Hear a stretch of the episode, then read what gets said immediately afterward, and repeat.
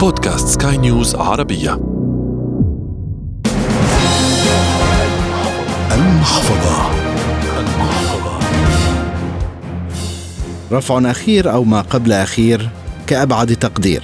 حسب المحللين الاقتصاديين لأسعار الفائدة الأمريكية التي قاربت أن تستهدف فيه خفض التضخم في المئة والمتحقق حتى اللحظة هبوطه من 9% وحتى 3% الأهم أن مرحلة الرفع قاربت على الانتهاء وهنا يمكنك أن تستفيد لأن الركود سيكون سيد الموقف ومن يملك المال وقتها سيحظى بفرص لا تتكرر كثيرا. حلقة جديدة من المحفظة تأتيكم عبر منصة بودكاست سكاي نيوز عربية على أبل جوجل سبوتيفاي أنغامي والعديد من المنصات الأخرى. في إعدادها وتقديمها أحمد ألآغا. المحفظة. من ناحية عملية رفع البنك الفيدرالي الأمريكي أسعار الفائدة لمواجهة التضخم الكبير الذي ضرب ليس الولايات المتحدة بل العالم. حسب التصريحات للفيدرالي فالهدف قاب قوسين أو أدنى من التحقيق. لكن الخوف الأكبر من الركود الذي من الممكن أن يؤثر على الكثيرين. لكن من يتحضر له من الممكن أن يشكل له فرصة. والتشديد النقدي الذي انتهجته الولايات المتحدة لن يتوقف عند رفع الفائدة. والقروض وطريقة تعامل البنوك معها ستختلف بالتأكيد في الفترة المقبلة. تقسم مرحلة التشديد النقدي إلى ثلاث أقسام.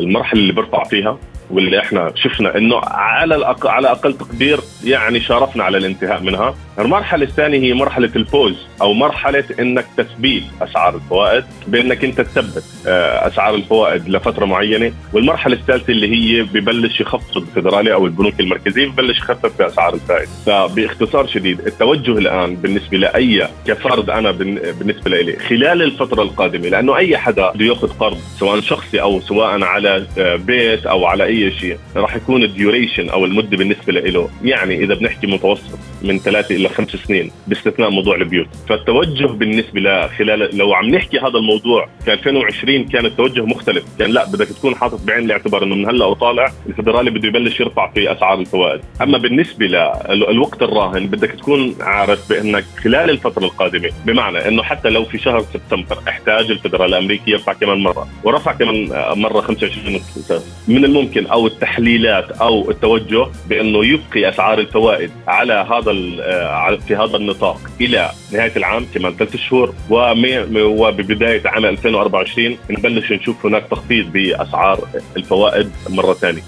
ولمن ينوي أن يشتري منزلا في الفترة الحالية فكبير محللي السوق من Capex dot com فادي رياض له رأي قد يفيده من الناحية المالية اللي عم ياخذ بيت ممكن إنه يعني في الوقت الراهن ممكن إنه ياخذ آه، قرض لأنه هاي الفترة الفترة ما تبقت يعني تقريبا حوالي ست شهور. هاي الفترة آه، ما راح تكون آه، خصوصا بإنه القروض الإسكانية دائما هي floating floating يعني متحركة أو لها علاقة ب يعني التغيرات اللي عم تصير بأسعار أسعار الفوائد.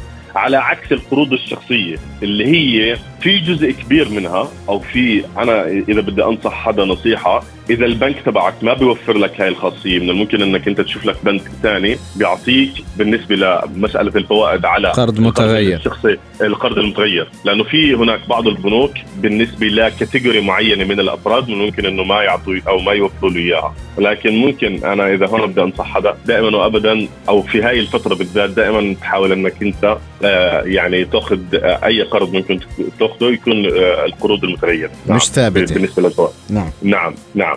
ليش ليش بدها تكون أخ أحمد؟ ما هي هون هي هون الفكرة بأنه إحنا نفهمها جدا مهمة. ليه أنا بدي آخذ قرض ثابت أو بأسعار فائدة؟ وهون في شغلة ثانية ممكن إنه البنك يعملها. ممكن البنك إنه يعمل بشكل average هاي كمان وحدة خصله ثالثه بس عشان نكون أو option آه، ثالث أو خيار ثالث بس مشان نكون مرتين للمستمعين كل ال options اللي ممكن إنه يتعرضوا لها. في option ثالث ممكن إنه البنك يجي يحسب لك average معين بالنسبة لنظرته هو المستقبلية وبالنسبة لأسعار البنوك الحالية. ولكن أنا بوجهة نظري بشوف إنه الأفضل في خلال الفترة القادمة. أنا بدي أجي أخذ مثلا قرض شخصي بكل تأكيد راح راح يكون توجهي بان أنا اخذها على قرض متغير. بعد وصولنا لقرب نهاية رفع الفائدة يتوقع محللون كثر دخول العالم في مرحلة اقتصادية جديدة. فادي رياض يرى أن في هذه الفترة فرصة لصنع المال.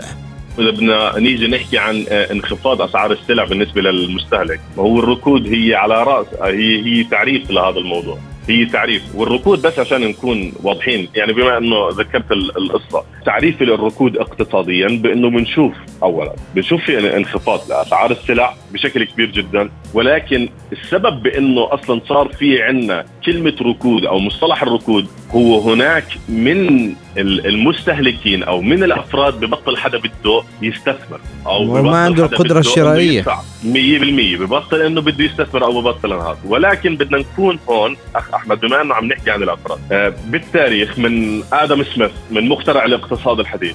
دائما وابدا. معروف جدا. بانه الناس اللي بتعمل فلوس أي حدا بيعمل ثروة بيعملها بحالة الركود. في مسألة إنه إحنا سواء ورن بافيت سواء غيره إذا بدنا نيجي نأخذ ورن بافيت كمثال بنشوف إنه دائما ورن بافيت دائما وابدا في هناك المقولة بأنه the only man makes the most money is the last man standing with cash in hand. الشخص اللي بيعمل فلوس هو آخر شخص معه فلوس بإيده وبالتالي في حالة الركود ليش الناس بتعمل بالعادة بتعمل فلوس؟ لأنه بحالة الركود ما بيكون في هناك إقبال على الشراء. بنشوف بنشوف في حالة من العزوف. بالضبط. حالة العزوف تنتج عنها بأنه الأسعار بتنزل. وقتها سواء إذا بنيجي نحكي عن التجار وقتها التاجر الشاطر اللي بيكون بس قاعد ممكن إنه يشتري وقتها بهاي الأسعار المنخفضة. أو حتى كأنا كفرد ممكن إنه أشوف لاكثر من شغلة option معينة. الأسعار قبلها بسنة كانت ال double. هلأ ممكن إنه أنا أشتري وأرجع أستنى لترجع عجلة الاقتصاد تأخذ المنحى الآخر اللي هو لأنه هاي عجلة اقتصاد رح تتكرر مرة ثانية. هي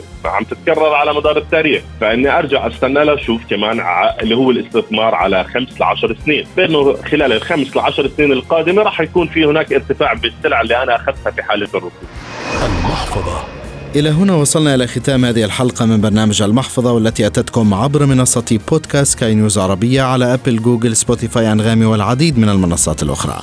في إعدادها وتقديمها كنت معكم أحمد الآغا ومن الإخراج الإذاعي زاهر رشماوي. في النهاية أنت أدرى فقرارك بين يديك. إلى اللقاء. المحفظة.